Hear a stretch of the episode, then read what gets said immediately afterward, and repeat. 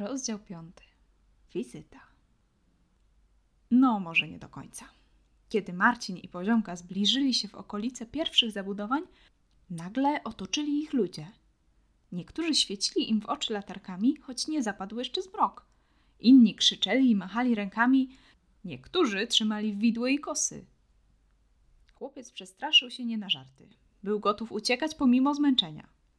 Nie rozumiał skąd wzięło się to zbiegowisko, ale chciał się szybko znaleźć daleko od niego. Znów pojawiło się skojarzenie z filmem, którego zdecydowanie nie powinien oglądać, gdzie podobnie uzbrojeni wieśniacy, wyposażeni w pochodnie, ruszali na zamek wampira. Ktoś mocno złapał chłopca w objęcia i nie chciał wypuścić.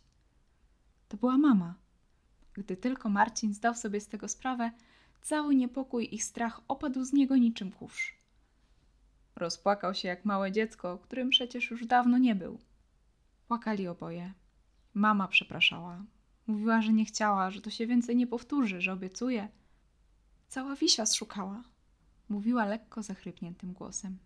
Wszyscy przyszli pomóc. Bardzo się o was martwiliśmy. Już myśleliśmy, że coś wam się stało, coś złego, że ktoś was porwał albo coś was zjadło. Mama nie mogła mówić dalej. Rozkleiła się na dobre, mocząc łzami koszulkę Marcina. W końcu pojawiła się ciocia Iza, która delikatnie podniosła mamę z klęczek. Posłała Marcinowi ciepły uśmiech pełen ulgi, poklepała go po policzku i poprowadziła mamę w stronę domu. Prababcia, która najwyraźniej też brała udział w poszukiwaniach, wzięła chłopca za rękę i ruszyli w ślad za siostrami. Gdyby tylko było jakieś lekarstwo, oddałabym za nie wszystko. Mama mówiła do cioci przyciszonym głosem. Marcin jednak dobrze usłyszał. Gdyby tylko był jakiś środek, który by sprawił, że już więcej nigdy. Ciocia mocniej objęła siostrę. Przez jakiś czas szli w milczeniu. Chłopiec i prababcia zostali nieco w tyle, bo starsza pani nie mogła iść zbyt szybko. Przynajmniej nie wtedy, kiedy ktoś patrzył, pomyślał Marcin. Był pewny, że staruszka potrafiła przenieść się z miejsca na miejsce tak cicho i szybko, jak prawdziwy ninja. Ludzie poklepywali chłopca po plecach i mówili, jak bardzo się cieszą, że się znalazł. Większości z nich Marcin nawet nie znał, ale miło było czuć, że ktoś naprawdę przejmował się tym, czy wszystko z nim w porządku. Pomachał poziomce. Dziadek wziął ją na barana i cierpliwie słuchał o fantastycznych przygodach wnuczki. Inni tylko się uśmiechali i kręcili głowami. Pewnie to nie było jej pierwsze zniknięcie. Czajnik skakał i szczekał radośnie. Nawet dla Marcina przewidział przyjazne, ale bardzo mokre liźnięcie po twarzy. Chłopiec już się go nie bał i tylko się zaśmiał, wycierając ślinę rękawem. Babciu, zagadnął Marcin, gdy zbiegowisko w końcu się rozeszło. Mm, odparła. Ty masz lekarstwo dla mamy, prawda? To co pomagałem ci robić? Starsza pani przyjrzała mu się uważnie. Nie ustąpił i długo mierzyli się wzrokiem. W końcu prababcia westchnęła. To lekarstwo na objawy, a nie na przyczynę. Nie rozumiem. Dajesz jej nie to lekarstwo, co trzeba? Nie, kochanie. Twoja mama musi sama postarać się wyzdrowieć. Pamiętasz, jak ci mówiłam, że wszystko, co dobre, ma swoją cenę? Mama musi ją zapłacić. Musi walczyć ze swoją chorobą. Ja mogę jej to trochę ułatwić, ale nie mogę zrobić tego za nią. Czyli okłamałaś mnie? Marcin zatrzymał się i puścił rękę prababci. Nigdy bym cię nie okłamała. Chłopiec czuł, że oczy znów ma pełne łez. Tym razem jednak nie ze strachu, ale ze złości. Przecież prababcia miała uzdrowić mamę. Po co ciągle tu siedzieli, skoro tego nie potrafiła? Przecież w mieście mama i Marcin jakoś sobie radzili. Marcin. Prababcia mówiła łagodnie, jak do spłoszonego zwierzątka. Nie ma magicznego sposobu na to, żeby twoja mama była taka jak dawniej. Sama musi o to zawalczyć. I obawiam się, że teraz będzie musiała walczyć z tym już zawsze. Z czasem będzie jej łatwiej, ale jeśli teraz się podda, nie będzie ratunku żadnej maści, żadnego eliksiru, który jej pomoże, a my musimy ją wspierać tak, jak potrafimy. Chłopiec tupnął nogą i pobiegł do domu. Po drodze minął mamę i ciocię, ale spuścił głowę tak, żeby nie widziały, że płacze. Tej nocy Marcin nie spał dobrze. Przewracał się z boku na bok i co chwilę się budził. W snach wracał do lasu, ale nie było z nim ani Leszego, ani poziomki. Był sam na sam z potworami. Chciał uciekać, ale nogi miał jak z waty. Poruszał się w zwolnionym tempie. Do tego pojawił się gigant, który ciskał chłopca piorunami i próbował go rozdeptać. Obudził się w środku nocy, zmęczony i zlany zimnym potem. Sytuacja nie poprawiła się, kiedy otworzył oczy. Pisnął i naciągnął kołdrę pod brodę. Dalej sen, to sen, powtarzał sobie w duchu.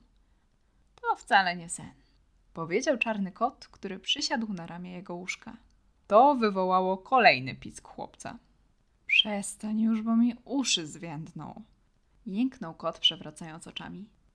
Marcin myślał, że zwierzęta tego nie potrafią, ale miał oto żywy dowód na to, jak bardzo się mylił. Nie po raz pierwszy i niestety pewnie nie ostatni. Pomimo milczących protestów chłopca, kot ruszył przez Marcinową pościel, aż znaleźli się twarzą w twarz, a raczej pyszczkiem w twarz. Z tej odległości chłopiec mógł dobrze przyjrzeć się niesamowitym kocim oczom. Brzegi tęczówek były ciemnobordowe, jak róże na dzień matki, choć bardziej niż sam kwiat przywodziły na myśl jego kolce. Bliżej źrenicy przechodziły w intensywną czerwień, przetykaną pomarańczowymi i niemal białymi niteczkami. Te oczy wyglądały jak ognisko, które hipnotyzuje tak, że nie można oderwać wzroku od pełgających płomieni. Kot zastrzygł wąsikami i powiedział: Porozmawiajmy poważnie jak dorośli. Zgoda? Nie czekając na odpowiedź, kontynuował. Wiem, gdzie jest coś, na czym bardzo ci zależy. I mogę cię tam zaprowadzić. Wyrwany ze snu chłopiec potrzebował dłuższej chwili, aby przejść do porządku dziennego, czy raczej nocnego, nad gadającym kotem w jego własnej sypialni. Sprawa pragnień i poszukiwań zdecydowanie go przerosła. Spróbował jednak uchwycić się pierwszego, co przyszło mu do głowy. Skarpetka? zapytał. Kot pytająco uniósł brew. No, pozostała mi już ostatnia para, a jedna skarpetka gdzieś się zgubiła. Jest mi potrzebna, bo pranie będzie dopiero za kilka dni. Zwierzak zareagował na skarpetkową historię wyniosłym milczeniem. Tylko końcówka jego ogona drgała niebezpiecznie. Dał chłopcu trochę czasu, by zorientował się, jak głupi był jego pomysł. Nie, powiedział w końcu zimno. Nie chodzi o skarpetkę, ani o inne koszulki czy majtki, gdybyś chciał zapytać. Chodzi o lekarstwo. Ale ja nie jestem chory. Ty może nie, ale twoja mama jest. Marcin od razu oprzytomniał. Spojrzał na kota podejrzliwie. Wtedy na schodach odezwały się ciężkie kroki. Zwierzak dał susa pod łóżko i zanim prababcia otworzyła drzwi, nie było po nim śladu. Marcin? Wszystko w porządku? Zapytała staruszka. Słyszałam, jak krzyczałeś. Chłopiec zastanowił się. To, że się o niego martwiła, sprawiło, że poczuł w sercu przyjemne ciepło. Dalej był na nią zły, ale musiał przyznać, że bardzo się starała. I dla niego, i dla mamy. Z drugiej strony, nie mógł jej przecież powiedzieć, że ma w sypialni gadającego kota. To prawda, ze wszystkich znanych mu osób, no może poza poziomką, chyba tylko ona mogła mu uwierzyć i nie potraktować go jak wariata.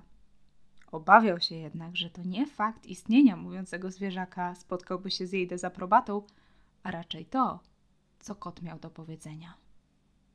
A Marcin chciał zdobyć lekarstwo. Nie, nic się nie stało, powiedział w końcu. Miałem zły sen. Już jest dobrze. Prababcia musiała być bardzo zmęczona, bo jej spojrzenie nie było tak przeszywające jak zazwyczaj. Podeszła i przysiadła na brzegu łóżka. Przykro mi, że cię zawiodłam, powiedziała. Wydawała się szczerze zmartwiona i to dodawało jej lat. Pomarszczona jak rodzynka twarz zdecydowanie zasłużyła sobie na pra w prababci. Pamiętaj, że cokolwiek się stanie, zawsze możesz liczyć na moją pomoc. Wystarczy poprosić. Zawołaj, a ja się pojawię. Musisz tylko pamiętać, że pomoc to nie rozwiązywanie za kogoś problemów. Oto każdy musi postarać się sam. Ale mogę być obok i pilnować, żeby nie stała ci się żadna krzywda. Rozumiesz? Marcin może i rozumiał, co miała na myśli, ale teraz pojawiły się nowe możliwości. Jeśli prababcia nie ma lekarstwa, to może ktoś inny ma. Albo coś. Rozumiem, babciu. Ziewnął przeciągle. Jestem bardzo zmęczony. Chyba pójdę już spać.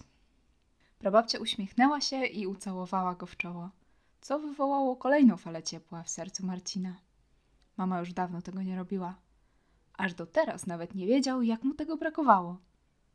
Staruszka poprawiła jego pościel i wyszła z pokoju. Chłopiec usłyszał gromki śmiech z łóżka. No, no, chyba nie wierzysz w to, co powiedziała. Zapytał kot, znów sadawiąc się na pościeli.